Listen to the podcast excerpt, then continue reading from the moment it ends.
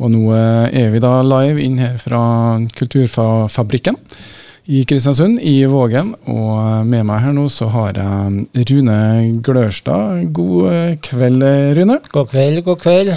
Ja, Rune. Formen er bra? Formen er glimrende, den. Jeg jobba hardt for det i mange år, så jeg kommer som en ny mann tilbake til Kristiansund. Ja da, Rune er jo da trønder, som alle sikkert hører. og vi hadde jo lyst til da å høre litt eh, hvordan livet var i Trøndelagen.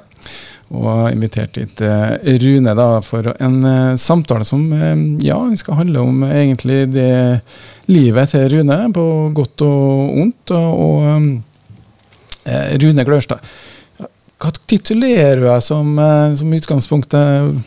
Hva er jobben din, føler du? Ja, jeg titulerer meg som verdens blideste mann, da. Det gjør jeg. Eh, det, den konkurransen har jeg vunnet mange år på rad nå, føler jeg sjøl i hvert fall. For at eh, godt humør, hvis du skal ha det bra i livet, det er utrolig viktig. Så jeg reindyrker det, jeg jobber hardt for det. Eh, jeg kan ha mye vondt i kroppen min, smerter pga. slitasjene fra mitt gamle liv og sånne ting. Da sier jeg til meg sjøl hver dag Hvis jeg får spørsmål, jeg vil ikke si at jeg har vondt sjøl. Men hvis jeg får spørsmål, så er jeg alltid ærlig. Jo, jeg har vondt, men jeg er i hvert fall blid. Ja, Rune Glørstad, da, du er jo kjent da som iallfall mannen bak eh, noe som heter Tjukkasbloggen. og eh, Før du forteller hele livshistorien, nå kort, hva er, hva er Tjukkasbloggen? Tjukkasbloggen det er egentlig å kalle en spade for spade. Det er kunnskapen bak. Eh, at jeg har vært 250 kilo. Eh, og på veien opp og på veien ned så ligger det vanvittig mye kunnskap, egentlig på godt og vondt. Uh, og det er det jeg ønska å formidle. Uh, som, og dokumentert hvilke tanker jeg hadde på veien opp. tunge stunder. Også at jeg hadde fokus på å være en blid mann når jeg var tjukk, for det var også en forsvarsmekanisme. Men også de grepene jeg har gjort underveis, hvordan jeg tenkte i samtid for å lykkes. For statistikkene var imot meg. Ja, som jeg sa, vent litt nå før vi tar hele, hele regla. Tjukkasbloggen, Rune Glørstad er jo da, som jeg har sagt i kanskje en del noen som har hørt litt, eh, det som vi kaller for teaseren til programmet. Han eh, var en topptrett eh, idrettsungdom, frisk og rask, og møtte vel egentlig kanskje på et tidspunkt Eh, brakkelivet. Vi skal høre mer om det også. Og endte da som en alder av 35 år med å bli 250 kilo. Og vi skal høre også om hvordan tilstanden var til han da, og hvordan han tenkte, og hvordan han tok tak i livet sitt eh, da. Men eh, kan du bare Rune, fortelle sånn kjapt eh, oppveksten din? Eh, hvor kommer du fra? Hvor vokste du opp hen? og jeg vokste opp i Trondheim, da. Eh, hovedsak Romerslia barne- og ungdomsskolen og Flatåsen, for dem som er kjent der. Og alle forutsetningene for å lykkes var til stede. Jeg var veldig skoleflink. Eh, og jeg var en, eh, veldig flink på, i idrett. Jeg hadde veldig gode foreldre. Eh, og gode lagkamerater på idrettsbanen. Jeg var kaptein på fotballaget. Jeg var toppskårer i basketballserien. Jeg begynte med biljard, så ble jeg norgesmester. Og når jeg skaffa meg hund som ung voksen, så ble vi også norgesmester. Så uansett om du har alle forutsetningene til stede, så kan du søle vekk. Ja, for det er jo litt det vi egentlig skal høre litt om de første årene her nå frem til nå. Du er 19 eh, år. Eh, og eh, vi lurer jo på hvordan greier man egentlig å bli 250 kilo. Du har også fortalt oss et utgangspunkt der når du er 19 år, frisk og rask og ivrig. Og eh, da drar du i militæret. Ja, og da opplevde jeg noe som kalles for brakkesyke. Jeg kjeda meg. Eh, de faste rammene rundt meg var borte. Faste treninger. Jeg på en måte blitt sånn ung voksen og bestemt sjøl. Og det er ikke bestandig så sunt at rammene er borte. Frihet. Friheten er total, og mor og far og alt er langt unna? Ja, eh, og det var artig å få smake litt på festing. Og renne litt etter jentene. Det var veldig kult. Og jeg var jo fremoverlent, som vi kaller det i Trøndelag. Så jeg har ingen problemer med å prate med folk. Så livet var rett og slett gøy utenom inn på brakka. Da kjeda jeg meg. Hvor var du i militæret? Haslemoen. det er Tre og en halv mil sør for Elverum. I Hæren, det. Ja, det er artilleriet. Feltartilleriet. Så jeg var faktisk OP-soldat òg. De bærer jo opp sånn 25-40 kilo. Så vi hadde morgengym og sånne ting. Så første på rekruttskolen så gikk jeg ned 5 kilo. Men de siste åtte månedene så gikk jeg opp 25. Brakkesyke, er det stikkordet? Ja, det, det er stikkordet. Eh, og det er liksom at du kjeder deg og tiltaksløshet. Og bare gleder deg til fest i helgen. Hvor var i kiosken i militæret og kjøpt godteri. Sannsynligvis så spurte jeg moderen om å få noe penger sendt, og sånne ting, så jeg kan jo finansiere litt. Lå alltid på etterskudd med lønninger og sånne ting.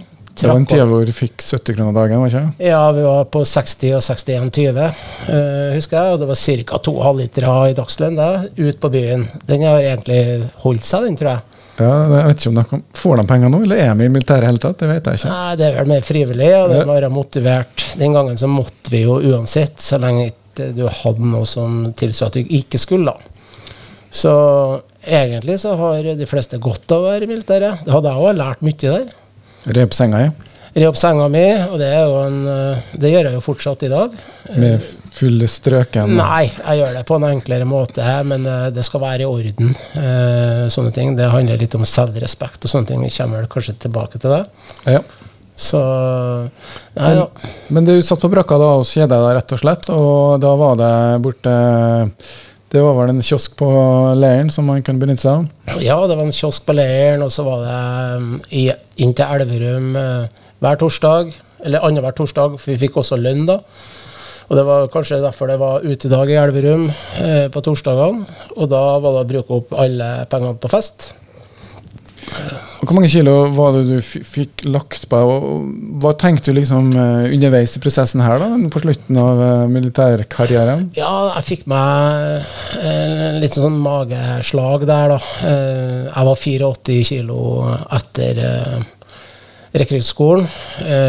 og så var jeg 109 når jeg gikk ut.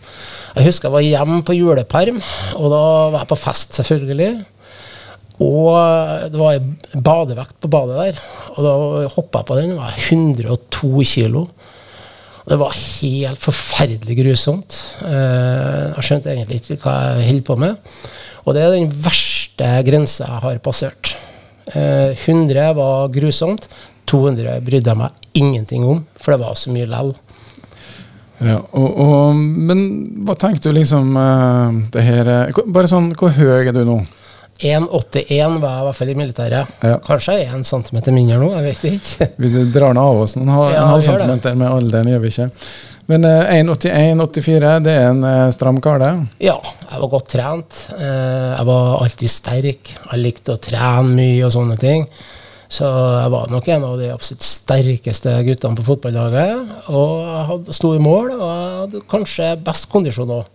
Så jeg satte harde krav til meg sjøl gjorde jeg. Så jeg jobba hardt for å få nå mine mål. Og så viste det seg da når det slapp meg løs og fikk dårlig helse, så ble jeg liksom kanskje best der òg. Når jeg tenker meg til ettertid. Best på dårlig helse, for det, nå er vi kommet til 100 kg. Tok du tak i noe da? Ja, når jeg kom ut fra militæret, så prøvde jeg. Eh, og da ønska jeg, som mange andre, en quick fix. Uh, uten kunnskap gikk jeg på diett, og det var grusomt. Gikk på, det var brødskive og sånne ting, og telt brødskivene, og det var altfor lite mat. Eh, og den feilen har jeg gjort så veldig mange ganger. Og rekorden min, var, da var jeg, da jeg blitt 23, da. Det var i 1995. Uh, eh, grunnen til at jeg vet det, for at da fikk jeg hånden min duks. og um, da gikk jeg ned 46 kilo på ti uker på en pulverkur. Da gikk jeg på 330 kalorier i døgnet i ti uker. Eh, og 46 kilo ned. Og så ville jeg ikke lytte til noen andre. Det var fantastisk. Eh, jeg bare stupa inn mot målene mine. Det var en nydelig følelse.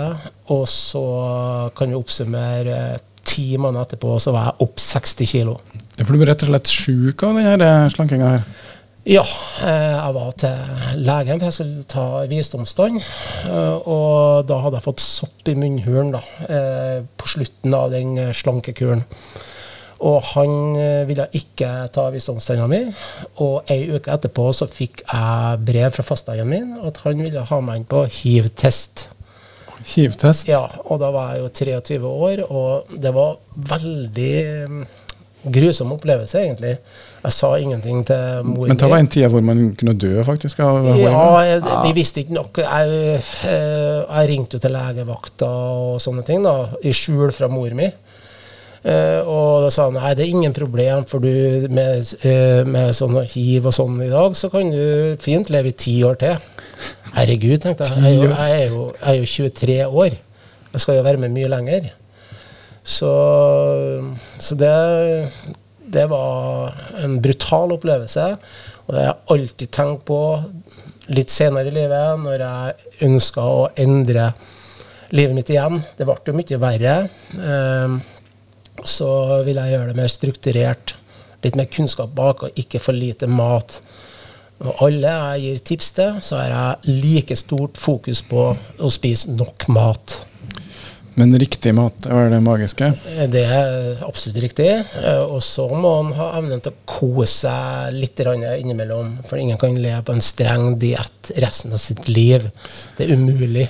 Men nå er vi Hvor gammel er du her nå? I den Dietten var 23, ja. så da hadde jeg, hadde prøvd kanskje sju-åtte ganger. da, sånn halvveis. Det varte kanskje i fire-fem dager, kanskje én dag. Men Hadde du noe fysisk eh, idrett du drev med? Jeg begynte å spille litt fotball igjen. nå, ja. På eh, åttendedivisjonslaget, som jeg hadde stått på eh, noen få år før. Men så ble det litt uh, lett, lettvint liv igjen. Jeg begynte med biljard. Jeg begynte å drive biljardsalong og sånne ting. Så da var det egen kiosk der, og jeg handla alle kioskvarene og alle mine favoritter. Det var sånn marsipanpølser vet du, som kommer til jul. Da kjøpte jeg alltid to esker. Og ei var til meg sjøl, og ei var til kundene eh, i, på biljardsalongen. Eh, og det endte opp med at jeg spiste opp den ene av sju-åtte pølser hver dag. Det gikk jo ganske fort før den eska var borte. Og den halvparten av den andre eska gikk jo ned i mitt gap den til slutt, før jul. Så det var um, høyt inntak av høy energimat. da, uh, både pizza. Hvilken følelse hadde du når du det høres jo mye ut. Eh. Ja, du venner gradvis til. Det blir litt sånn som med, alkoholikere. Altså, første gang vi drar på fest, så holder jo kanskje med tre-fire øl, så er du tror du i hvert fall at du er kjempefull, og så utvider du, og så tåler du mer, og sånne ting. Så det er veldig likt, altså. Eh, er det. Så så du utvider grensene. Og hvis jeg hopper litt frem, da, fra, liksom, fra 98 til 2008, så spiste jeg um, nesten uavbrutt, uh, med korte perioder jeg prøvde å skjerpe meg, mellom 400 og 500 gram sjokolade hver eneste dag. En halv kilo med sjokolade, rett og slett? I løpet av ti minutter. Og hvor stor er hvor tung er en sånn 200 av de store platene. Så er det noen på taxfree på 250. Jeg kan alle målene der, altså. Ja. Eh, og, og, det måtte jeg ha. Og etter jeg spiste sjokolade, eh, så skulle jeg ikke gjøre det dagen etterpå. For du, en, det var sånn en Du har litt dårlig samvittighet? Eh, ja, altså, jeg, jeg, fikk slags føling i sånn en gang mellom seks og sju på ettermiddagene på billardsalongen. Jeg hadde jo jeg hadde liksom kontoret mitt der. Jeg var ikke helse til å stå så mye bak disken, men hjernen min fungerte. Den føler jeg egentlig alltid fungerer. Vært kreativ, eh, laga masse spennende arrangement og sånne ting. Men eh, må, da måtte jeg hjem, og da var jeg urolig. Jeg fikk slags eh, suget etter søtt, og da var jeg innom Rema-butikken på Flatåsen der jeg bodde og bare kjøpt 400-500 gram. Eh, enten to store og en ekstra, eller eh, en stor og masse andre som Troika og Longgreen og sånne ting. Da var det Longgreen med ennå òg. Og da satt jeg i bilen og begynte å spise, og det var tre minutter å kjøre hjem. Og da satt jeg bare i bilen og spiste opp sjokoladen i bilen før jeg gikk ned i sokkelen alene.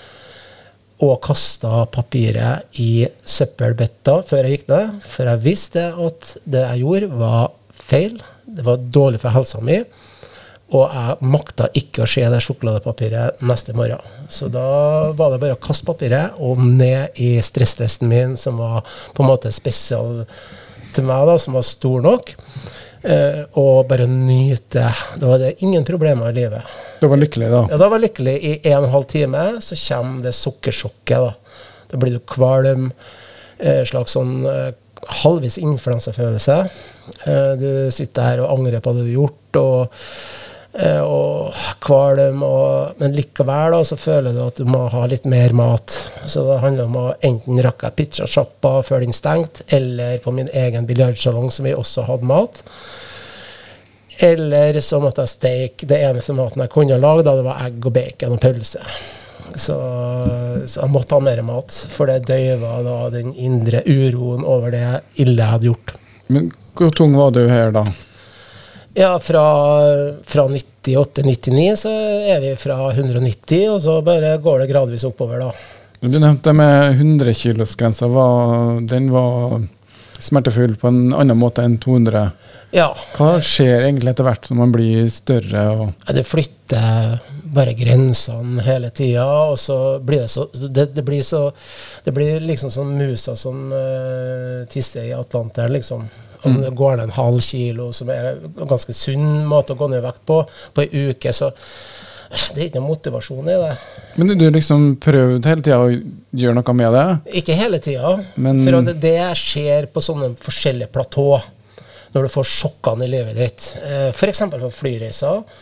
Og det har jeg kobla på sånne faser i overvektig. Sånn psykiske og fysiske faser.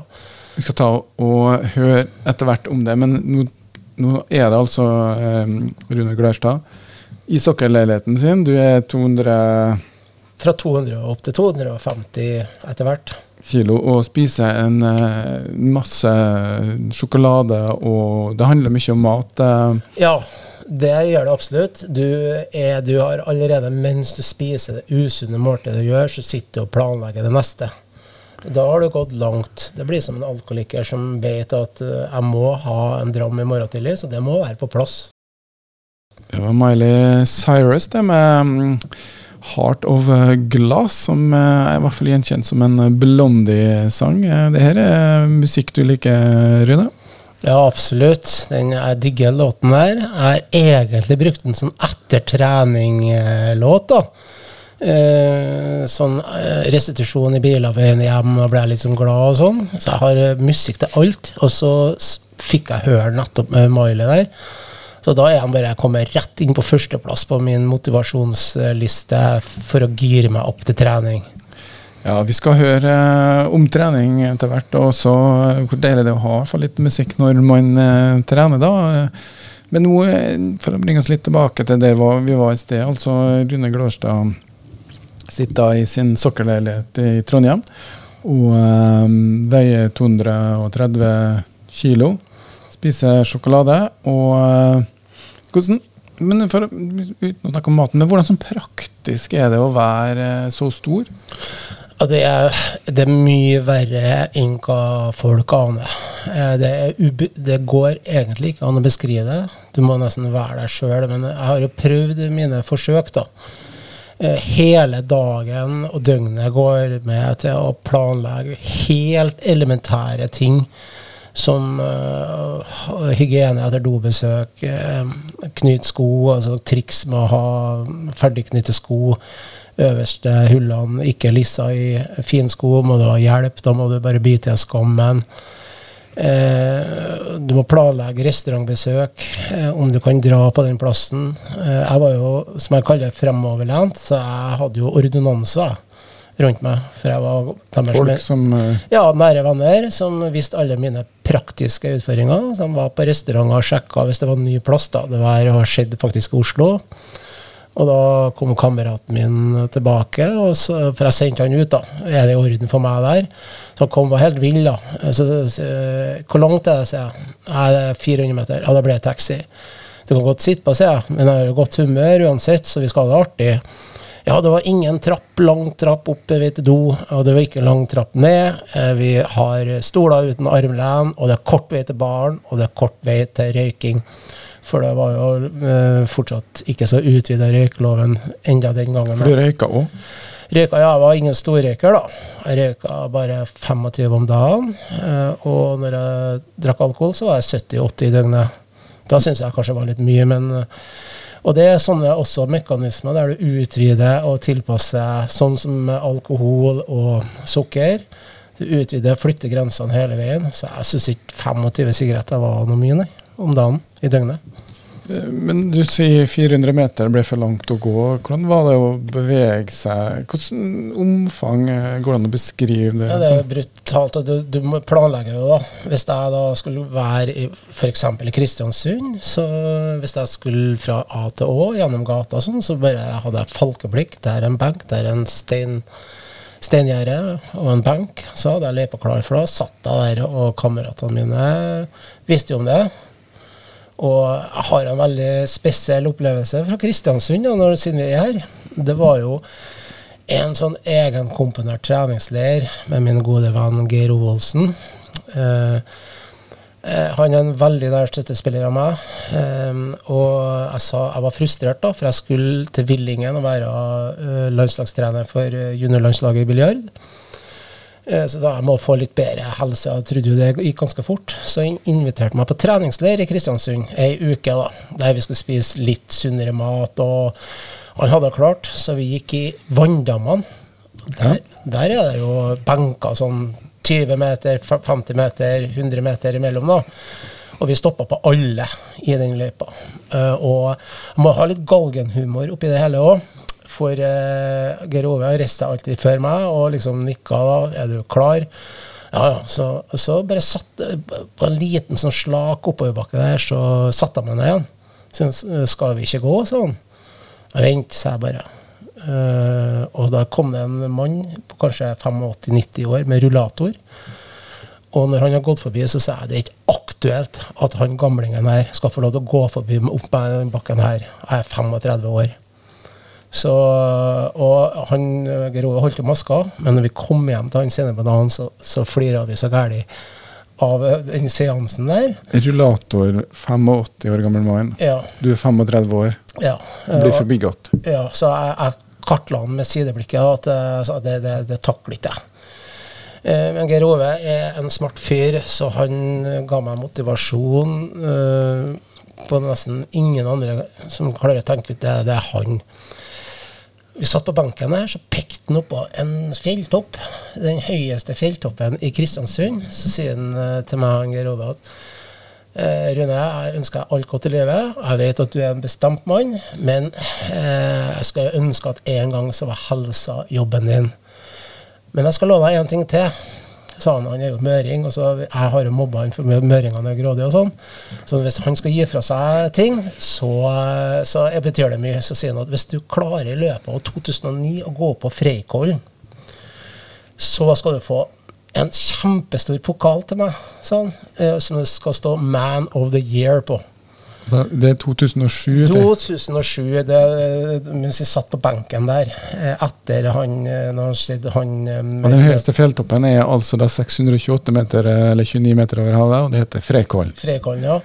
For meg, når vi gikk der da, så har det vært umulig. Eh, og det er sånne ting som spikrer seg i minnet. Da sånn et frø var.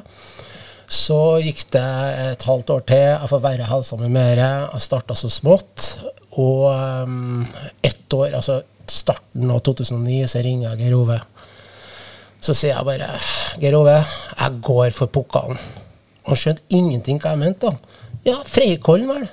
Jeg skal opp på den toppen der.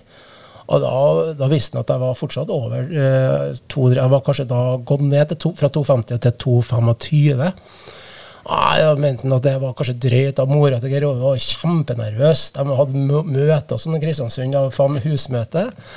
Nei, så sier jeg det går fint. Eh, jeg trener bevisst på den toppen. Jeg har lagt inn bakketrening, litt ulendt terreng og sånne ting. Jeg går med staver. og jeg går for den. Stol på meg, sa jeg. Jeg er mye mer, bedre motorikk nå enn hva du tror, og tilsvarende som er min størrelse. For det du trener på, blir du faktisk god på.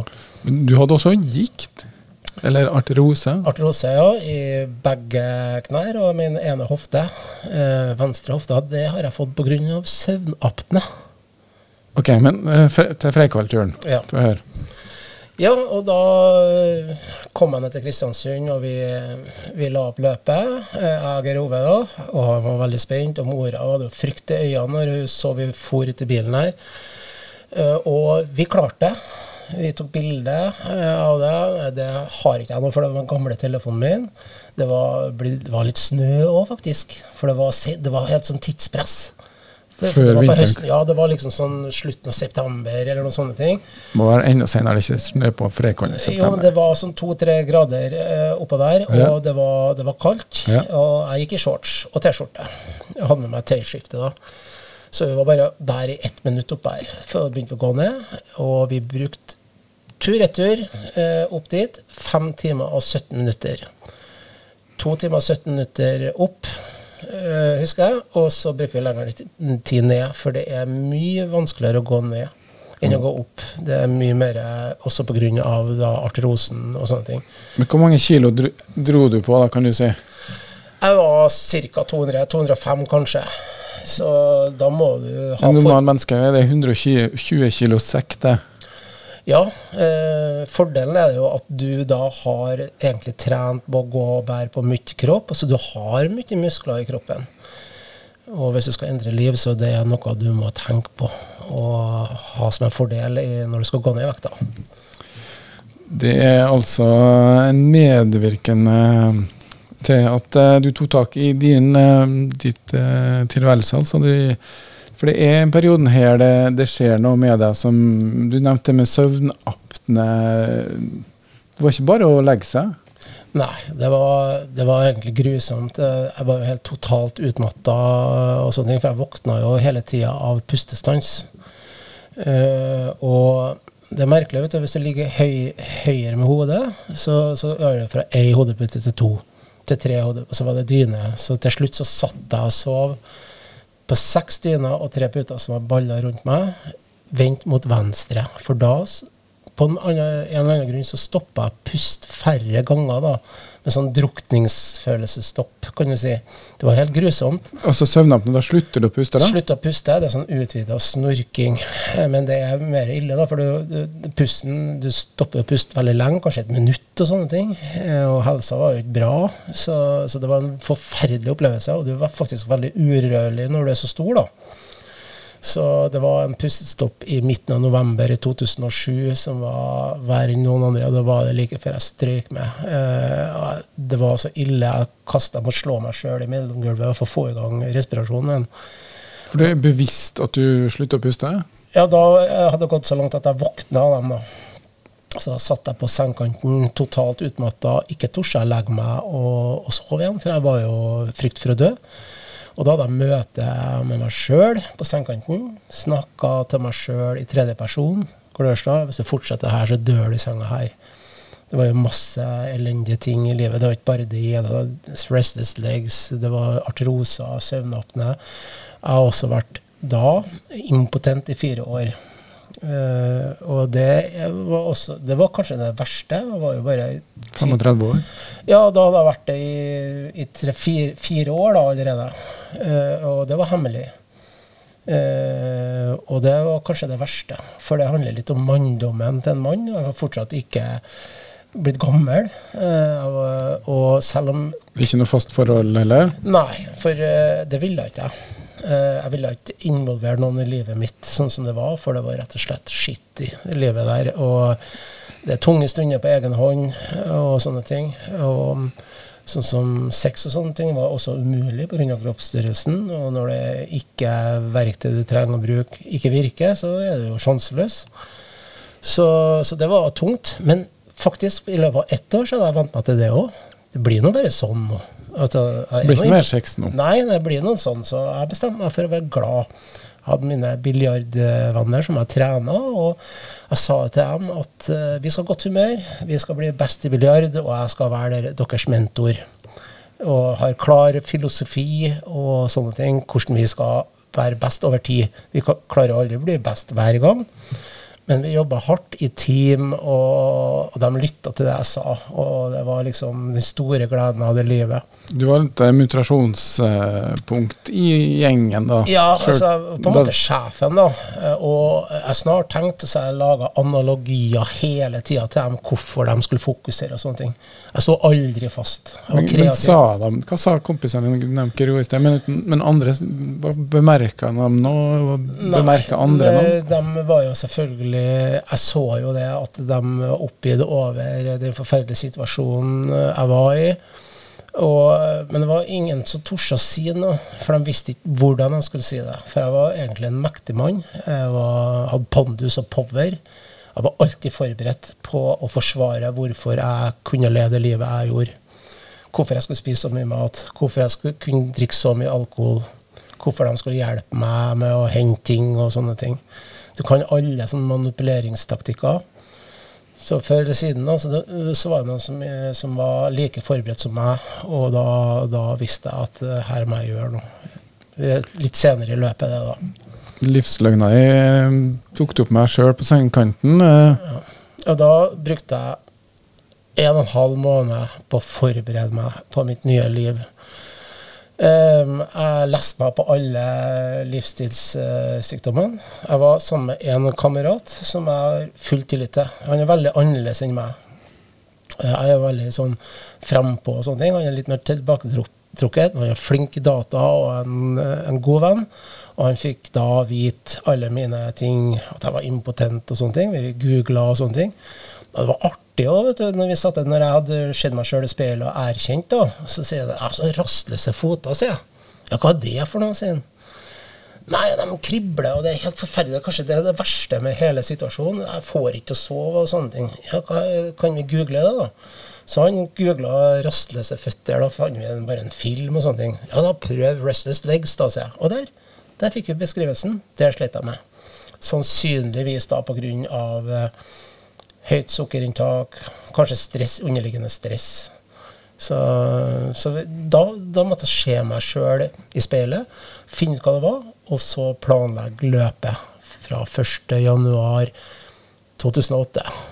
Nyttårsforsettet. Vi skal høre mer om det ganske så snart. Vi skal ut på en uh, liten reise fra det tidspunktet 1.1.2008. Journey, uten at det har noe med den saken å gjøre. Så her kommer de med Don't Stop uh, Believe In. Det var Journey her før det, og eh, det er en reise vi skal være med på her. Eh, den låta vi hørte nå, Rune, det er en spesiell låt for deg? Ja, det er eh, begge låtene egentlig som jeg har hørt nå. Jeg bruker jo musikk som motivasjon, og jeg kobler jo låter på arbeidsoppgavene jeg skal gjøre.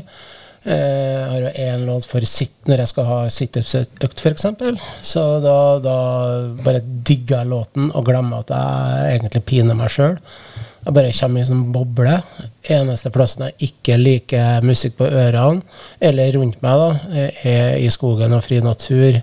Da vil jeg høre at det knekker kvister, plutselig ser jeg en elg, eller et eller annet sånt elg har ikke skjedd på mange år, for det er så mye folk som vil gå sammen med meg, og da går vi og prater. Og jeg er jo, de, sier, de kaller meg en sånn radio på full styrke som ikke går an å slå av når jeg snakker om motivasjon i skogen. Jeg elsker å gjøre det. Så da er jeg mitt rette element, så det er ingen elger som eh, er i nærheten av oss da. Motivert eh, stikkord her, eh, men det du skulle egentlig fortelle meg om, det var at den låten vi spilte nå før, da. Den som heter 'Don't Stop Believing', som er da Journey. Det er en liten kjærlighetslåt. Uh, uh, men nå la oss skru tida tilbake til 2008. 1. januar. Du har motivert deg sjøl til å sette et nyttårsforsett. Ja, det hadde jeg gjort. Og det var nøye planlagt. Eh, jeg hadde jo ikke så dårlig tid, for jeg visste at det her kom til å ta sannsynligvis flere år ennå jeg hadde god tid. Så, så, det var å plukke frem samme verktøyene som jeg brukte på mine utøvere, men faktisk enda strengere. For jeg var en veldig streng trener og motivatør. Eh, om de var europamester og sånne ting. Og hvis de ikke var motivert, så ble de sendt hjem fra trening. Det var liksom eh, det var Nå er det sjøl som skal bli motivert. Ja. Og hva var, hva var konkret uh, forsettet egentlig gikk ut på? Nei, eh, det var oppskalering av aktivitet og nedskalering på mat. Og det er en veldig fin kode. Mindre inn og Ja. mer ut. Så jeg var jo veldig lurt. Jeg tenkte at eh, jeg, begyn- jeg, lå på sånn 7000-8000 kalorier i døgnet. Så tenkte Det jeg er sånn uh, Nordpolfarere, ikke Ja, eller eh, Tour de France og sånne ting. Eh, Phelps var kanskje på 12 000, da. Men eh, Et normalt menneske trenger ja, to og et halvt en mann, to og et halvt tre, og så kanskje litt mer hvis du er fysisk aktiv, da. Men to og et halvt tre er sånn vanlig mann. Jeg lå på 7000-8000 i døgnet. Eh, Da hadde jeg sannsynligvis også høyere forbrenning, for jeg flytta på mye kropp. Og sikkert en ganske stor muskelmasse inni den kroppen da, for å bære på alt. Men likevel så var det altfor mye. Så da tenkte jeg at da går jeg, begynner jeg på 5000 kalorier, og så går jeg liksom sakte, men sikkert ned da, på der. Og så tenkte jeg sånn, sånn pizza hamburger, det tenkte jeg at uh, første tre ukene, uh, da tenkte jeg at pizza eller hamburgertallerken uh, maks fem ganger i uka til, i starten. Det var lurt, tenkte jeg, for da måtte jeg finne to dager uten. For jeg var vant til mellom 14 og 21 ganger i uka. Så to-tre ganger om dagen hadde jeg pizza eller hamburger. Eller egg og bacon, da. Så innen der eh, Det var det livet jeg hadde. Og så, så tenkte jeg at jeg måtte slutte med sjokolade eh, og brått av. Eh, men det klarte ikke jeg, så da måtte jeg være kreativ. Da reiste jeg ned på butikken, samme butikken som jeg kjøpte min sjokolade, og leita og leste inni hyllene, og så fant jeg rislunsj med bringebær. Det visste jeg var glad i. Og så regna jeg litt eh, sukker, og sånn, så tenkte jeg det er jo mye mindre hvis jeg spiser to sånne nå. Eh, og jeg brukte jo handlekurva-vogna som eh, gåstol, for det var veldig, blitt for langt til meg å gå fra bilen og inn, så jeg klarte ikke det. Så det er sikkert noen skjedd på amerikanske filmer og sånne ting. Det, sånn var livet mitt. Så da kom jeg til kassa da, og beit i meg skamma med to rislunsj, for jeg kunne ikke hamstre, for har jeg spist alle med en gang. Og jeg satte opp til løpet at i løpet av 14, om 14 dager så skal jeg gå ned til én boks, og skal gjøre én boks i ei uke. Og så skal jeg slutte, var planen. Og det klarte jeg. Hurra for meg. Du bare slutta med det? Ja, da klarte jeg slutt med, med høy energisukker, da kan du si. Så For du er avhengig av det, på en måte? Du, Ja. Har du abstinenser når du slutter? ja, Ja, de, de sier at det ikke er noe som heter avhengighet til sukker, da. Eh, sånn professorer og sånne ting. Men eh, det gir jeg blanke i. Det er et sug. Eh, det er et sug der. Og når jeg klarte å si den koden til meg sjøl, så hadde jeg satt det i en sånn boks som, som sa til meg sjøl at det her har jeg problemer med. Eh, så var det noen sprekker etter det, da. Eh, men nå har jeg hatt litt over seks år uten sjokolade, kake og godteri. Søtsaker. Ja. Men altså, første tida så var det altså bare inntaket som skulle begrenses. Hadde du tenkt på å bevege deg? Eller ja da. Eh, jeg har brukt mye tid på det. vet du, Planla min aktivitet, men jeg klarer jo å stå bare ett minutt av gangen. Jeg klarer å gå 30-40 meter eh, maks. Eh, kanskje hvis livet mitt står på sti, eh, spill, da, så kanskje jeg har klart 80-100 da, én gang i døgnet. Så tenkte jeg at hvis jeg går med sånn handlekurv, så klarer jeg å gå i flere minutter, for da har jeg støtte og avlastning. Så tenkte jeg nå må jeg finne noe smart hjem her. Så fant jeg støvsugeren. Og når jeg satte den inntil livet og brukte den som støtte, så klarte jeg å holde på ett og et halvt minutt. Og så satte jeg meg i godstolen og så sa jeg til meg sjøl at jeg er jo toppidrettsutøver nå, så jeg må gjøre det en gang til. Så da var to, den første treningsøkta mi var med støvsugeren i to intervall på ett og et halvt minutt. Tre minutter trening. Tre minutter trening. Hele seansen tok jo faktisk en time eh, for at jeg måtte ta frem støvsugeren. Eh, Den lå ikke bare på stua. Koble i kontakten, pause. Og så skulle den ryddes vekk igjen etterpå. Og så hadde jeg lært av min fysioterapeut at uh, idrettsutøvere dusjer etter trening. Hvis ikke kan de bli syke. Samme reglene påførte jeg meg sjøl. Jeg skulle dusje etter hver økt. Uh, og jeg skulle barbere meg. Det handler om selvrespekt. Så da hadde jeg etter støvsuging så satt jeg på toalettskåla mi og motiverte meg, for da hadde jeg ett minutt å dusje på. Ok. Ja, for jeg klarte ikke å stå lenger. Nei. Nei. Du jobba ikke da? Nei, Nei. da hadde jeg vært ufør i mange år. Eh, For det var konsekvensen, rett og slett, ja. at uh, kroppen blir så stor? Ja, det er det. Uh, så det har jeg også regna på. Jo, det er et spleiselag da, mellom meg og det norske samfunn. Så de siste 25 årene så har jeg nok kosta ca. 10 millioner da, i ekstra kostnader. I eh, sykepenger, uføretrygd, operasjoner av hud, infeksjoner og sårstell og alt, alt det der. da. Eh, så det har jeg faktisk kosta. Det har jeg regna på. Eh, så har jeg bestemt meg for at jeg skal betale tilbake hver eneste krone med renter. Ikke fysiske penger, men gjennom å inspirere andre. Kanskje hvis jeg berger noen andre fra å få mitt liv, så vil det uh, betale seg tilbake til det norske samfunn. Det, sånn For tenker jeg. vi har et problem med ja, overvekt, eh, fedme i det norske samfunnet òg. Absolutt, og det øker hele tida. Så det har faktisk vært en eh, motivasjon for meg. At jeg eh, det var en av kodene som eh, min, trener, min gamle trener da, uh, sa til meg. en Et av målene dine Rune, at kanskje du skal betale skatt igjen.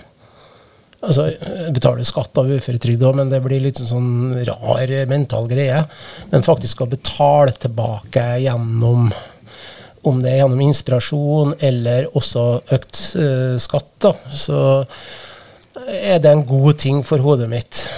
Men du begynte med på en måte den inspirasjonen eh, Eller nå begynte du med egentlig det at dette skal bli en sånn greie som andre skal få følge med på. I starten så gjorde jeg en generaltabbe. Jeg ville gjøre det helt alene. Stikk i strid med alt jeg har lært bort til dem jeg har vært mentor for. Vi er lag, vi er team, men det var skambelagt. Til og med for meg, for det var masse hemmeligheter her. Og da holdt jeg på alene. Og jeg er jo en beinhard jævel, så jeg klarte å holde på i tre år før jeg sprakk. kan du si, Eller jeg sprakk ikke sånn som i gamle dager. Jeg la på meg bare litt, rann, eh, sånn, bare en kilo i måneden. Men jeg gjorde det faktisk i over tre og et halvt år. Da ble vi over 40 kilo, da. For jeg hadde gått ned på tre år, da, så gikk jeg ned ca. 95 kilo. Fra, fra 250 til 155. Eh, og- Det gjør du uten at eh, andre ja, og på ren og skjær sånn viljestyrke og mandighet og sånn. Frøykultur og Ja, ja, det var liksom sjølsnakk og sånne ting. Men eh, så på veien tilbake da, så blir jo livet lettere. Du får eh, lyst til å være med guttene på fest, og du har lyst til å reise litt. Så det, ble, det var en annen fysioterapeut som sa til meg, Rune, eh, du driver på med for mye utenomsportslig aktivitet. Ok. Eh, og det betyr jo at jeg reiste litt for ofte til Rådås, tok en fest som varte ei, ei uke eller 14 dager. Ikke hver dag, men det var høyt inntak. Men Og jeg- ellers hadde du ganske sånn puritansk liv? ja, egentlig der eh, nærma meg bare mer og mer, men da snudde jeg gale veien, og jeg la ikke merke til kilo i måneden der. Så, så da gikk det sakte, men sikkert oppover, og da begynte jeg å få igjen de verste eh, livsstilssykdommene igjen. Jeg, eh, opp på veien her, vet du, det må jeg jo fortelle. For jeg hadde jo vant meg til å være impotent òg, og det hadde jeg akseptert. Det er rest of life. Men så holdt jeg på med det der i ett og et halvt år. Altså Og- ett og et halvt år etter 1. januar? ja, da, ja, eh, med støvsugeren 2008. utvida, da. Ja. Eh, f- En ny oppgave hver dag. Støvtørka bordet, støvsuging, og så støvtørka bordet og kjøkkenbenk. Og så. Og så til slutt, på fire måneder, tre måneder, så hadde jeg gjort rundt hele huset. Jeg var stolt, og det er lenge siden jeg hadde gjort. Men jeg holdt på med det, og plutselig gikk jeg ut. Og, og, og var ute og gikk, og begynte med styrketrening. Eh, og så etter ett og et halvt år så våkna jeg en morgen. Og da hadde jeg bedre med morgensbrød. Det var helt sinnssykt. Jeg var bare sprang. Jeg følte jeg sprang da, men du sprenger springer ikke så fort når det er 200 kilo. Det var vill krigsdans på badet, og i speilet yes, yes, yes, liksom. Og det er ingenting seksuelt i det. Jeg skjønte bare det at inni den kroppen her, selv om jeg er veldig stor, så begynner jeg å bli frisk. Blodet sirkulerer igjen. Blodet sirkulerer, og, og det var en fantastisk opplevelse. Og da tenkte jeg at da må jeg bare fortsette, eh, for da eh, vil jeg vedvare, for det er et tegn på at du er frisk. Og nå har det jo gått så langt at, du, at der kan jo komme til alle døgnets tider. Det er bra. Ikke bare morgen, men også ettermiddagsaktiviteter. da. Eh, ja, og så Det gikk noen år da med egen sjøldisiplin, ja. og så møtte du kanskje deg sjøl i døra, eller hva som skjer? Du føler at um, ja. jeg greier ikke alene? Nei, jeg holdt på tre år. Veldig flink, egentlig. Eh, og jeg holdt på tre år og gradvis sølete igjen. Og så var jeg gjennom en sånn utredning gjennom Nav. Og traff en eh, veldig dyktig ergoterapeut. Eh, super dame. Som, eh, som, på en måte hadde trua på meg. Og så sa hun at eh, vet du Rune, det er et eller annet med deg som jeg har trua på. Eh, det er ingen tvil du er ufør. Det er mindre enn 10% arbeidsdyktig. Så jeg, var, jeg, skulle egentlig være det i tolv uker, men det var fem og en halv, så skrev jeg meg ut. Det burde ha trent, vet du, sier hun. Uføretrygd er veldig lite å leve på. Det blir ikke et bra liv. Jeg kan faktisk trene det jeg sa. Uh, men det valgte jeg ikke. Hun sa det, så hun sådde et frø i meg. Så gikk det et halvt år, så var det nestlederen i biljardklubben som tok meg til sides på biljardklubben. Han sa egentlig det samme, bare med manneord. Manne. Han tok meg til sida på biljardklubben, og så sa han Rune, du, du, er ubevisst inkompetent. Det er et ord jeg brukte i coaching sjøl. Du stinker, men du vet det faen ikke sjøl. Eh, altså, ikke sånn lukt, men fokuset. Jeg ser du drar og trener og sånne ting, men det ser ut som du går opp i vekt. Du må løse det. Du har alle verktøyene. Vi skal støtte deg. Vi er redd for deg. Vi er redd for å miste deg. Vi er glad i deg. Løs det, fiks det. Ut og få inspirasjon. Skaff deg PT, sa han òg. Personlig trener? Ja. Og da um, tenkte jeg begge to, ja, uavhengig av hverandre. Så, så, i løpet av tre måneder så kontakta jeg en barndomskamerat. Eh, og han eh, tror jeg var kapteinen hans på fotballaget. Eh, og aldri kjefta på noen sånn på et lag før hele mitt liv, som jeg husker. Du var kaptein hans? Ja, jeg var kaptein hans, men et eller annet trodde jeg med han kunne trigge meg til å kjøre et langt løp, og da tenkte jeg hva har jeg gjort feil før? Hvorfor uh, alle statistikkene imot? Hvorfor skal jeg lykkes? Jo, jeg må tenke helt nytt. Jeg må tenke lag.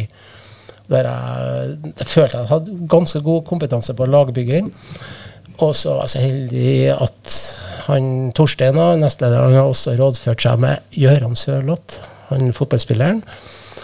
Og han hadde fortalt hvordan eh, angripe meg da, med det budskapet. Og Gøran har gått mange turer med meg eh, der jeg har fått lært om lagbygging. Eh, han har jo gått i skole til Nils Arnheggen. Men jeg mener Gøran Sørloth er en bedre versjon, en mer moderne versjon. Og bare helt fantastisk å få gå sammen med han. Og han har vært rådgiver til meg mange ganger når jeg har stått fast. Ikke sånn hver gang måned, men eh, jeg gjør jobben, og så kan jeg møte ham tre-fire måneder etterpå. Og da snakker han på en sånn plan som jeg når inn, trenger ikke forklare noen ting. Så får jeg bruke det og omforme det til mitt liv. Men sånn praktisk eh, personlig trening koster jo penger. Uføretrygd ja, eh, det, det, koster penger. Eh, og på mange måter så hadde jeg litt flaks. Jeg hadde litt sparepenger. Jeg hadde et budsjett eh, og, som jeg hadde, og jeg måtte klare det på så og så lang tid. Og det fikk bare koste de pengene. I verste fall så fikk jeg ta meg lån eller uh, sånne ting. Så det var kalkyler på det. Da var tanken at ok, hvis du får noe hjelp en periode, så skal du kanskje ja. greie å få det til mm på egen hånd etter det? Ja, så, så det var planen, da. Og så, så long, so far, so good. For du er jo toppidrettsutøver, nevnte du her, og de har jo ofte et team rundt seg. Hva besto ditt team av, hvis du kan oppsummere sånn? Nei, altså, jeg har jo satt laget på absolutt førsteplass for hva som helst her i livet. Og det handler om dine nære og kjære. Og det er jo ikke sånn når du bygger lag at du er sånn som på fotballplassen når du er en liten gutt, at jeg velger deg, jeg velger deg. Det er en helt annen mekanisme. Du starter med, med godt humør du er blid, du er positiv, og så har du stor innsats i bunnen. Dedikasjon er tiltrekkende kraft. Så bygger laget det, og så må du være ærlig til dine nærmeste. Så jeg måtte erkjenne at jeg hadde møte med min mor. altså Sønnen min har et alvorlig problem. Det kan ikke være sjokolade hjemme på første julaften når jeg, når jeg starta. Det var i 2014. Det må jeg bort, hvis ikke så kommer ikke jeg. Eh, men da kommer jeg bare på bursdager og sånne ting, og da må du holde deg utafor. Støtte meg på måten jeg vil. Men om ett år så kan du sette frem hva som helst. For da må jeg ha lært meg å takle at det er sjokolade rundt meg. Det er alkoholikere og trinn ja, veld, veldig og der. ja. Og så er det sånn at jeg hadde jo litt som mitt lag, da. Nære støttespillere som var ærlige til familien min på Hedmarken. Og det er jo, det er jo ikke søskenbarn av blod, men det er min stefar som har noen nieser, og de er som søsken for meg. Eh, Alle dem er beviset på at eh, vann er like tjukk som blod, men kanskje enda tjukkere òg der jeg kan være meg sjøl. Og, og det, vet du, det var så viktig, det. Å involvere og være ærlig til laget. For når du starter en livsstilsprosjekt, så er det fantastisk. Du har mål, du har vekt, du har midjemål, du har klesstørrelse, og du raser ned. Og så er du i anførselstegn smart nok til å bruke sosiale medier, som jeg har gjort, så får du en enorm drive. Får du støttespillere som heier på deg hele veien, akkurat som det er på oppløpet på Holmenkollen, femmila og Northug. Bare at du føler at du sjøl er Northug. Alle heier på deg. Faktisk, de som egentlig ikke liker deg, heier på deg òg. For det er politisk korrekt. Du, du føler deg udødelig. Og så har du nådd dine mål, og så stopper alt opp. Det er ingen på sosiale medier, og det må du forberede deg på, som heier på deg lenger. Da er ditt indre lag så utrolig viktig, som passer på deg av kjærlighet og ikke resultater. For det er da de nærmeste som du kan involvere. ja, det er så fantastisk da når jeg var frustrert. For jeg, jeg prøvde å forberede meg på det, men det går ikke an å forberede seg på plutselig den jakten og det euforiske med oppmerksomheten som er drivkrafta. Så når jeg reiste til Hedmarken, i Osensjøen, til søskenbarnet mitt Trine Jeg kan stå opp på kvelden og gå i kjøleskapet for å ha meg noe å drikke, så er mannen hennes Geir der. Så sier han Fytti rakkeren, Rune, jeg er så stolt over deg. For at før så fikk du ikke plass på kjøkkenet her. Nå er du så liten og nett. Jeg er så stolt over deg, og det er sagt fra hjertet. Jeg har lang historikk med han. Og da tenker jeg, herregud, det er jo ikke, det er jo kilo, det er helse, gnisten, kjærligheten til dem rundt deg som er viktig. Så, så det er det viktigste. Å bygge lag gjennom ærlighet og pågangsmot. Eh, Det får du betalt for i enden. For en eller annen gang, hvis du bruker sosiale medier, så vil den For det er ingen vanlig normalvektige som får masse applaus hvis de drar på trening. Er, liksom, da gjør du det samme som andre, men vi har et underliggende problem. Kampen mot sult, at kroppen vil tilbake til der den var, og sånne ting, som er veldig vanskelig å forklare. Og det er liksom forskninga sier det. All vitenskap, alle ekspertene sier at det er vanskeligere å holde seg stabil. Og så er det en annen mal du må følge da. Så, så laget har på mange måter berga meg. Kjærligheten til laget. Og jeg er jo heldig. Jeg har bydd på meg sjøl. Jeg delt kunnskap til alle og enhver. Og så laget mitt har jo vokst seg enormt stort. Så Men også være klar over at mellom 5 og 10% av dem som følger deg, ønsker du skal mislykkes. Til og med på det et sånt område. Ja, det må du være klar over, for det lærte jeg gjennom billardsporten. Uansett hvor dyktig og høflig vi var og delte kunnskap og inviterte folk på treningsleirer, for vi brukte Dæhlie og Smirnov og Ulvang-metoden. Vi inviterte konkurrentene våre på treningsleir, der jeg hadde lagt opp eh, opplegg. For da visste jeg at mine var trigga og ville fokusere, så var jeg liksom færre å kjempe om NM-gull mot. Eh, Og da tenkte jeg er det samme i, ellers i livet? Ja, det bestemte jeg meg for. Så jeg var et råskinn. Så høsten 2014 så gikk jeg inn på telefonlista mi. Så telte jeg opp 130-40 navn, og så nedskalerte jeg til 100. Så fant jeg mellom 5 og 10% som jeg visste ikke, eller 5 og 10 stykker, da, som ikke ville støtte meg. Delvis min, også min egen skyld, for at jeg måtte forandre meg. Og så kan det hende at jeg ble veldig opptatt av livsstil og ville fortelle. Det har jeg også, også måttet endre for meg sjøl. Reise på ferie uten å snakke om motivasjon. Det har jeg øvd på. Eh, For du kunne snakke om det hele tida, du. ja, det, jeg elsker å snakke om motivasjon, for det var min lidenskap før. Jeg, ble, jeg fikk helseproblemer òg. For det var liksom, det var livet mitt, og jeg var snart tenkt å lage analogier. Jeg er veldig opptatt av analogi eh, for å nå mål. Eh, så visualisering, da, kan du si. Så, Så det er viktig.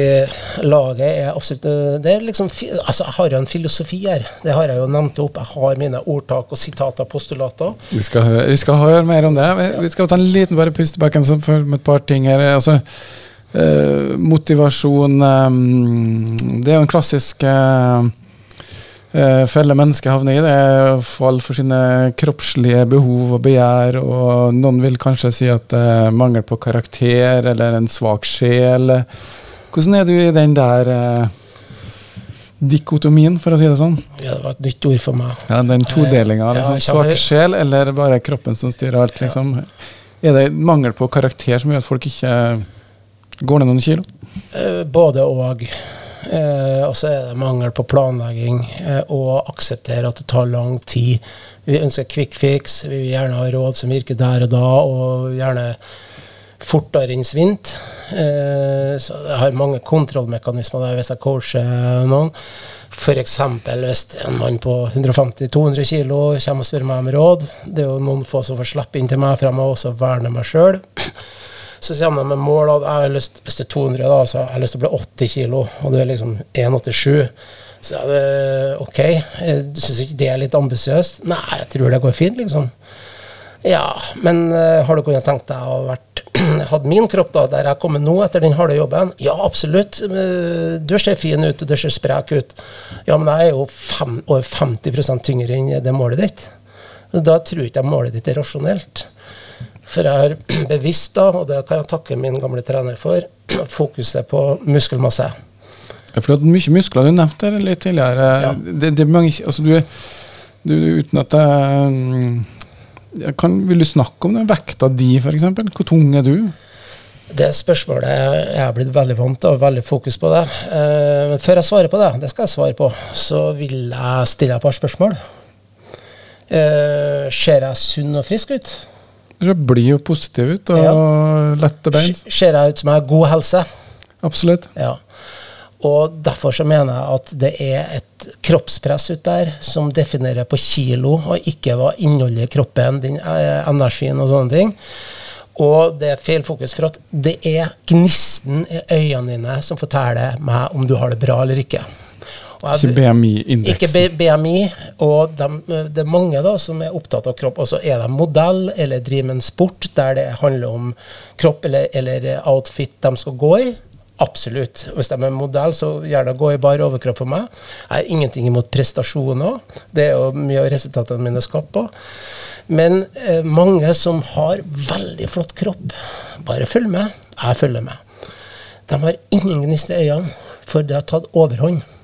Det finnes uh, ja, personlige trenere som, uh, som, kan skrive sitater at 'jeg må trene biceps, for det strandlivet er snart rett rundt i døra'. Og det skjer ingen smil i øynene deres. Mens jeg da, på en god plugg på 125 kg sist jeg veide meg for jeg har jo bygd en, en muskelmasse etter hudoperasjonene og sånne ting. Jeg, en, jeg, vet at jeg er glad. Jeg har en deilig energi. Jeg skjemmes ikke over noe. Jeg har masse løshud igjen på kroppen min. Så da er det på feil spor, da. Hvis du aldri er fornøyd nok. For jeg kommer aldri til å passe inn i malen til mange fagfolk uansett. Men jeg skal slå dem i godt humør og gnist og energi. Opplevelsen eh, av velvære fremfor på en måte sånn ytre måleskala som ja. ja. et vekt eller altså, størrelse, eller Det er bare å følge med ut. Det er mange som profilerer kropp. Du ser ikke et ekte smil på, på ikke, ikke, alle, selvfølgelig. Jeg skjønner positur. Ja, men er ikke en sånn uh, myte da, at tjukkaser sånn blide folk, da? Jo, eh, det er en forsvarsmekanisme, og det er helt sant. Da ligger du i forkant eh, i sosiale settinger og sånne ting. Det kan jeg alt om. Eh, men så lenge at det ikke om det er røslig og ikke har helseskadelige problemer, at du bærer vekta di, så mm, da er det, det er i hvert fall lov til å være blid. Det, det er jo den reisa du har vært gjennom, da, som du kan smile av og Ja, jeg kommer fra Midt-Norge, men jeg, jeg er faen så stolt over det, eh, over den reisa mi. For at ingen som ikke har gått i mine sko eller lignende sko, skal komme og fortelle meg hva som er livsglede, hvor tung jeg skal være og sånne ting. Det, det vil jeg ha meg frabedt. For at det er kroppspress fra ut der som jeg ikke øh, syns noe om i hele tatt. For du må ha vært gjennom en sånn reise, og det er andre regler om du har gått ned så mye kilo. Kanskje skal du ikke være Hvis du er 1,87 da og har vært 200, så skal du ikke være 80, kanskje du skal være 110 eller 120, men med fantastisk energi og sterk i kroppen og skry og glad. Det teller jo mye mer. For at jeg laga meg For treneren min spurte meg om vi må ha noe eh, råd, nei, noe, noe, noe mål. Så da møtte han egentlig en tullete fyr. vet du. Og det har jeg klart på neste trening, sier jeg. Så vi kom til neste trening to dager etterpå. Så jeg har du målene klare nå? Du har lovt meg det? Ja, det har jeg. Nummer én, det er bedre helse. Nummer to, jeg skal pule. Nummer tre, det er økonomi. Nummer fire, det er kjærlighet. Og alle de smiler jo når jeg sier det, spesielt på punkt nummer to. Men når du har vært 250 eller 190-200 kilo, da er det praktisk umulig, det er fysisk umulig, så er det en stor glede for en del av livet. Og det skal ikke være hovedfokus, det punktet der. Er det, det skal alltid være på de fire topp, men nå er jeg på fjerdeplass. For, det, for siste punktet først er god helse, så er kjærlighet kommet opp på andreplass. Og så jobber jeg med økonomi, bare for å ha litt mer. Med en gang noen går inn vi skal høre mer. Leve lenger i hvert fall eh, var utgangspunktet ditt. For ja. det var det du skjønte at det her kunne ikke leve som du levde. Vi skal få høre en liten uh, sang her nå med Suspicious Mind. Jeg vet ikke om du tenker på da, men uh, i hvert fall Elvis uh, Presley. Elvis uh, Presley der. Suspicious Mind. Rune, er det noen du har i tankene da, siden den sangen? Eller var det pushup-sangen? Det, det, det, har ikke jeg. Elvis er min store helt. Vært siden jeg var fem og et halvt år gammel. Jeg kom hjem fra barnehagen og så mor mi skreik. Jeg trodde jo at stefaren min hadde vært eh, trollete eller noe sånt. Eh, og den tida gikk jo til og fra barnehagen sjøl, på 70-tallet. Og da sa bare 'Elvis er død, Rune'. Elvis er død. Jeg visste jo ikke hvem det var, men det ble min store helt. Eh, så Elvis hører jeg på desidert mest, da.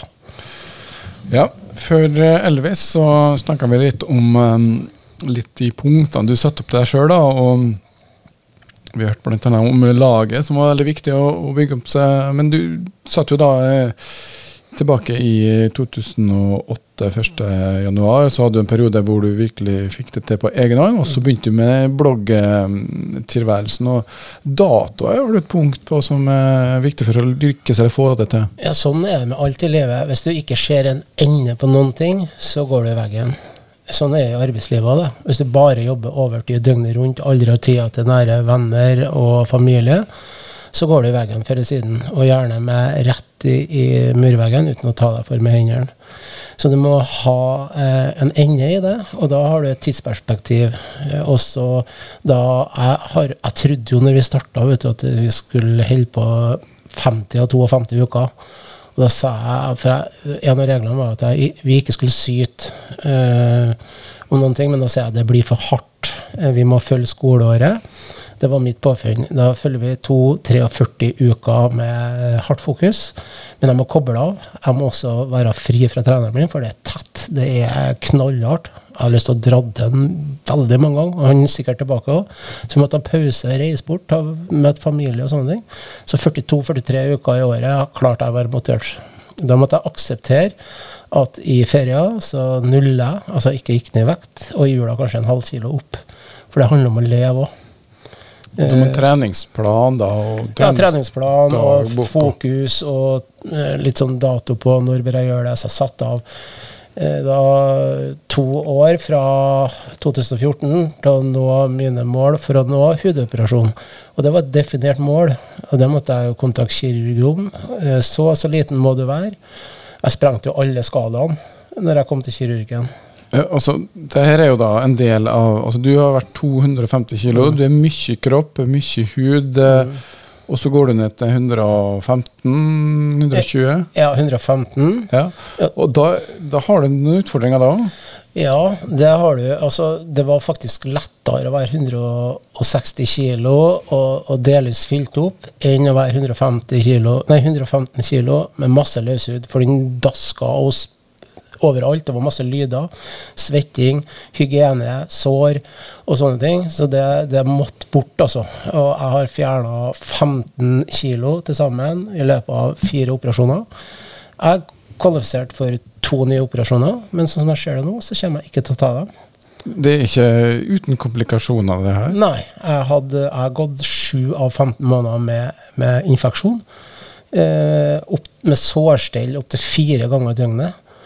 Og er, det tar en time hver gang. For du må vaske opp tøy, du blør gjennom i senga og sånne ting. Eh, og nå var jeg høy risiko. Det, nå syns jeg ikke folk skal være um, redd for å gjøre det løpet. Eh, hvis jeg hadde gått ned mye mindre og nådd målene mine og var kvalifisert, så hadde jeg en tidel av sjansen. Kvalifisert til du Forklar litt. Altså Du kvalifiserer ja. til å få operasjon? Ja, de, de, går eh, gjerne på BMI, da. Eh, men det er misvisende i enkelte tilfeller. Jeg var særtilfelle. Og jeg var taktisk lur. Jeg tok med treneren min til kirurgen. Og treneren min var da norgesmester i vektløfting i veteranklassen. Han er året yngre enn meg. Og han ble året etter verdensmester. Eh, så jeg fikk han til lov til å prate, og så sier han at han er jo særtilfelle, han her. Han har jo større muskelmasse enn meg. Så da må vel det vri litt på de reglene, så han slipper å slanke vekk liksom 10-12 kg med muskler. Ja, det har du rett i, sa han. Så da brukte jeg laget for det var verdt. Så han ble med meg til kirurgen og støtta meg i det. Ja, For det, det skal være sånn forhold da mellom altså Du må gå ned så og så mye, eller? Ja, altså du må være innenfor uh, gjerne lavere enn 30 i BMI, da. Jeg var mye høyere enn det. Så da handler det om at inni der du skulle være liksom min, minst mulig um, dødt fettvev, eller fettvev, da, for og sånne ting. Men likevel så var jeg høy risiko. Så det er en kalkyle.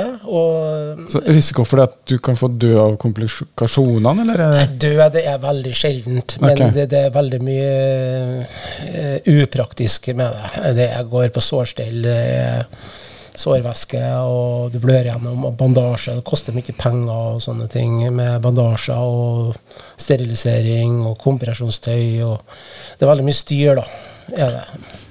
Men uh, og da er jo liksom på slutten av en periode hvor du har jobba hardt for å komme dit, og så får du det her opp. Så, men du sier ok, du, du har en trivselsvekt som er tilpassa muskelmassen din, kan man si det så kort? Ja, det kan du si. Eh, og um, jeg er på en rolig vektreduksjon nå. Eh, om jeg går ned fem kilo, sju kilo til. Men jeg har god tid. Jeg orker ikke å stresse med det, for jeg skal leve oppi der. Jeg har lyst til å ta vare på familien min. Altså, jeg unner ikke folk å være inn i det, eller den vektreduksjonen, for det, det tok all tida mi. Jeg bestemte meg for at det eneste det er på absolutt førsteplass, er helsa mi. Og det krever mye energi. Så, så jeg har lyst til å gjøre det på en snill måte. Ha det litt gøy på veien. Det er ikke sånn at jeg da spiser sjokolade igjen, det er over seks år siden, eller kake. Jeg kan ta meg en fest, jeg kan ta meg en øl, men det er mye mer sjelden enn før. Det er liksom Du velger liksom de tingene som er viktige? Det er litt dato der òg. Ja. Altså, tre måneder frem i, i, Koronaen var jo stor belastning for meg. Måtte jo lære meg å trene hjem. Og da ringte jeg til min gode venn Geir Ove fra Kristiansund. Så sier jeg kan ikke vi gjøre som i gamle dager, at vi møtes, bare at vi gjør det i Trondheim. Så kommer du oppover. Når har du tid? Jeg finner ut i morgen. Så kom han og har 16. til 19. juli. Tre måneder, ja. Kjempebra, sier jeg. Da har, vi, da har jeg en dato. Da skal jeg jobbe for den datoen. Og da fikk jeg et bevis på hvor viktig laget er. Når vi nærmer oss, da, når det er ti dager igjen, så laga jeg Facebook-gruppe med 14-15 stykker. Og av de 15 så kom 12 av mine nærmeste venner for billardsporten. Alle som kunne komme på den feiringa. For da så jeg de er der. Selv om jeg ikke kan være med som før, så er laget mitt der. Det er fantastisk. Jeg var jo i himmelen i tre dager. Og da drakk vi øl, men ikke sånn som før. Kosa oss, spiste god mat. Jeg spiste hamburger to av dagene. Var på Burger King og smila som ei sol, for at det handler om å leve litt òg. Ikke noe sterilt liv der du er redd for alt, for du har ikke noe godt liv. Nei, men det er så finne balansen, da, å la uh, hverdag være hverdag, mm. og fortsatt ha noen uh, søndager eller helligdager eller noen lørdager. Ja. Jeg spiser pizza eller hamburger én gang i måneden. Men det er sånn ellers, det er ikke sånn veganerretning eller minst kjøtt? Eller, nei, nei, nei, nei, det er mest mulig normalt, og jeg spiser på grunn av Jeg kalkyler på det. Pga. at jeg har stor muskelmasse, så tåler jeg Kontra hvis jeg har sittet i sofaen, det har jeg aldri klart, eller tror ikke jeg, og, og slanka meg, så kan jeg spise en hel ekstra kylling med skinn og alt i døgnet. Fordi at du trener så hardt. Trener så hardt og har stor muskelmasse. Så det er en stor fordel for et godt liv.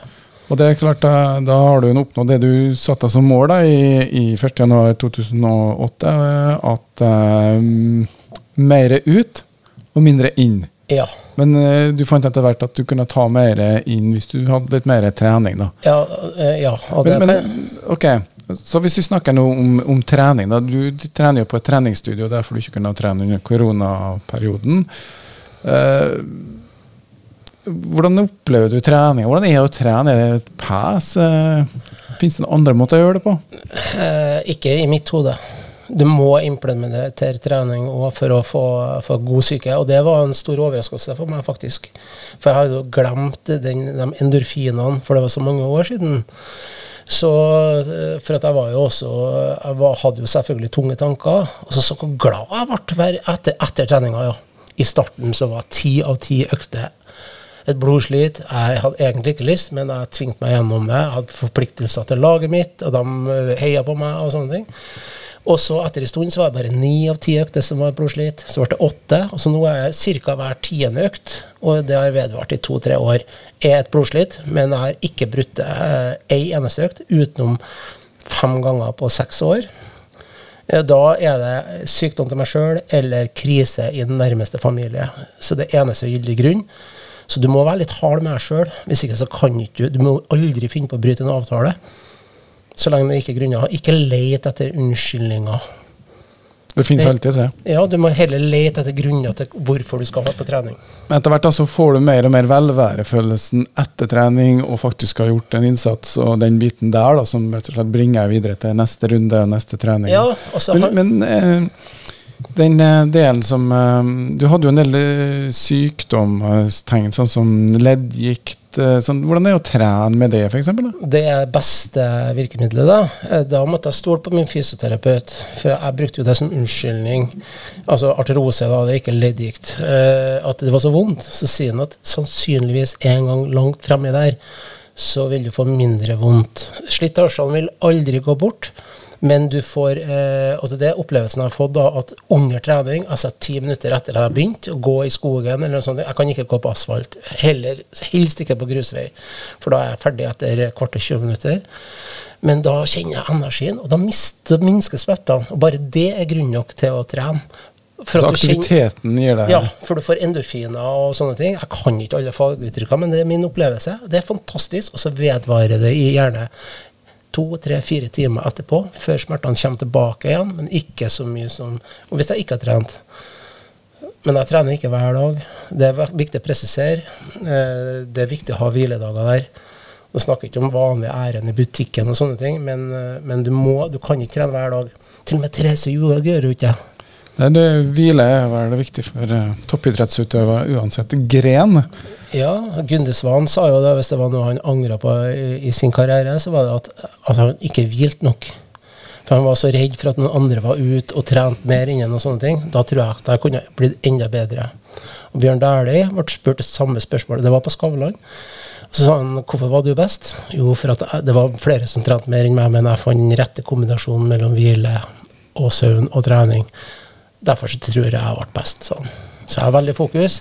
Hvil, altså mine oppsatte hviledager er like hellige som alle treningsdagene. Like viktig. Balanse. Bare noe helt uh, litt på sida, kanskje, men uh, du har jo gjort det til et sånt prosjekt som um, offentligheten eller folk, alle andre får gjøre.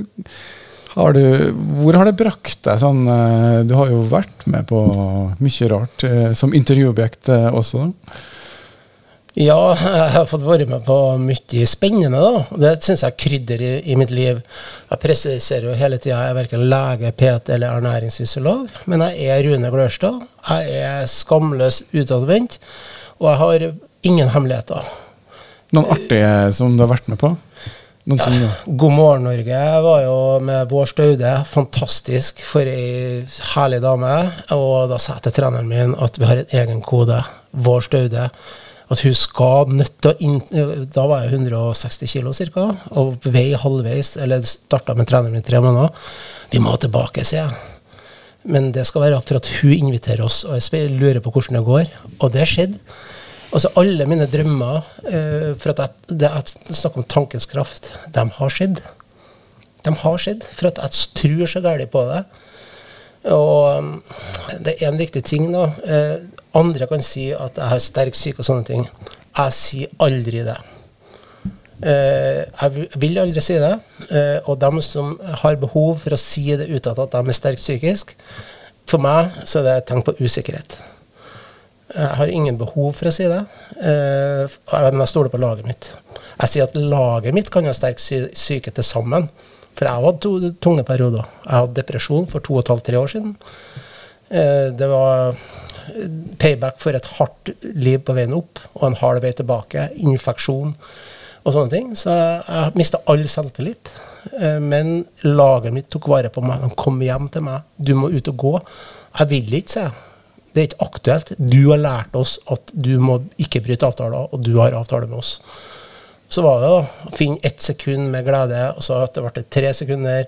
Til slutt, etter tre-fire måneder med laget som bringte meg ut, kom hjem og henta meg. Jeg gikk jo med infeksjon. Så tulla jeg hele turen og gnistra, og da var radioen på full styrke på igjen. Og så sa han ene som var på tur, 'Du er tilbake igjen'. Nå er jeg ved fonten her. Og da skjønte jeg at det gikk ganske fort da i forhold til en vanlig depresjon. vil Jeg si. Jeg var på, midt på moderat. Jeg er oppsøkt psykolog også. Det var laget mitt som sa det til meg. Du bør derfor få en gnist, eller få en vei ut av det. Og det hadde jeg god hjelp. Jeg var der fem ganger. Det er det som er moralen, hvis man skal kalle det. At uh, det er viktig da, å involvere omgivelsene og lage seg et lag. Man må ikke nødvendigvis drive en eh, blogg eller møte opp på TV, men altså man finner en liten, uh, lite lag for seg sjøl. Er det det du ja, altså det er mange som uh, vil bestride min påstand om laget. da. Det er noen som sier at nei, men jeg gjør det alene. Men det er det de tror i ubevisstheten. For hvis de automatisk deler den fjellturen sin, eller legger ut de snakker til seg sjøl, det er så fantastisk på fjellet, så er de egentlig for å invitere et lag, for å få en like eller en heiarop og få fantastisk flink du og sånne ting. Så det er ubevisst lagbygging. Så de lurer ikke meg, nei. Men jeg heier på dem, ja.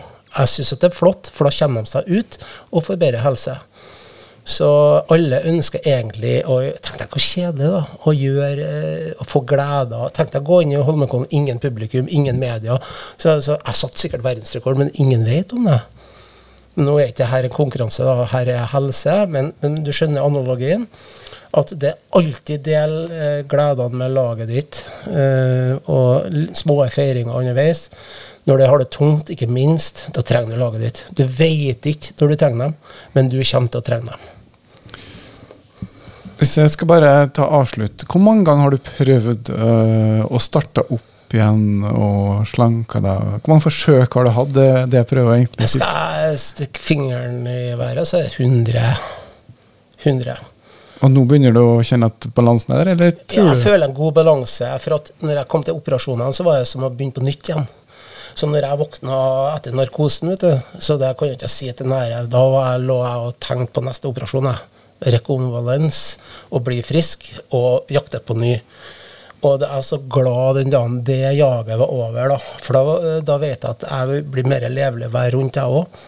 For jeg hadde eh, sikkert et toppidrettshode som klarte å si ifra til, til mora mi. Og har skrekket mange sine tårer over hvor trollete jeg var med helsa mi først, og hvor brutal jeg var eh, i ferden tilbake. At jeg Nei, du får eh, rydde unna det vepsebolet sjøl. Jeg har hviledag. Så brutalt var det. For at da fikk ikke jeg hvilt, og da fikk jeg lavere forbrenning, og da fikk jeg stress i kroppen. Så 100 forsøk. Eh, det ene en evig streven livet. Det er det vi i hvert fall kan eh, oppsummere med. Noe vi har hørt på en og en halv time. Jeg syns vi har egentlig fått komme oss til dit eh, vi bør være. Og ta med oss motivasjonen fra Rune, om det er vekt du har som utfordring, eller om du ja, kanskje det er noe annet som man har lyst til å ta tak i, så er det skaff seg et lite lag, i hvert fall. Det har i hvert fall jeg lært. Så jeg skal si tusen takk til deg, Rune, for at du tok deg tida. Sjøl takk. Og da får du litt Dance with a Stranger.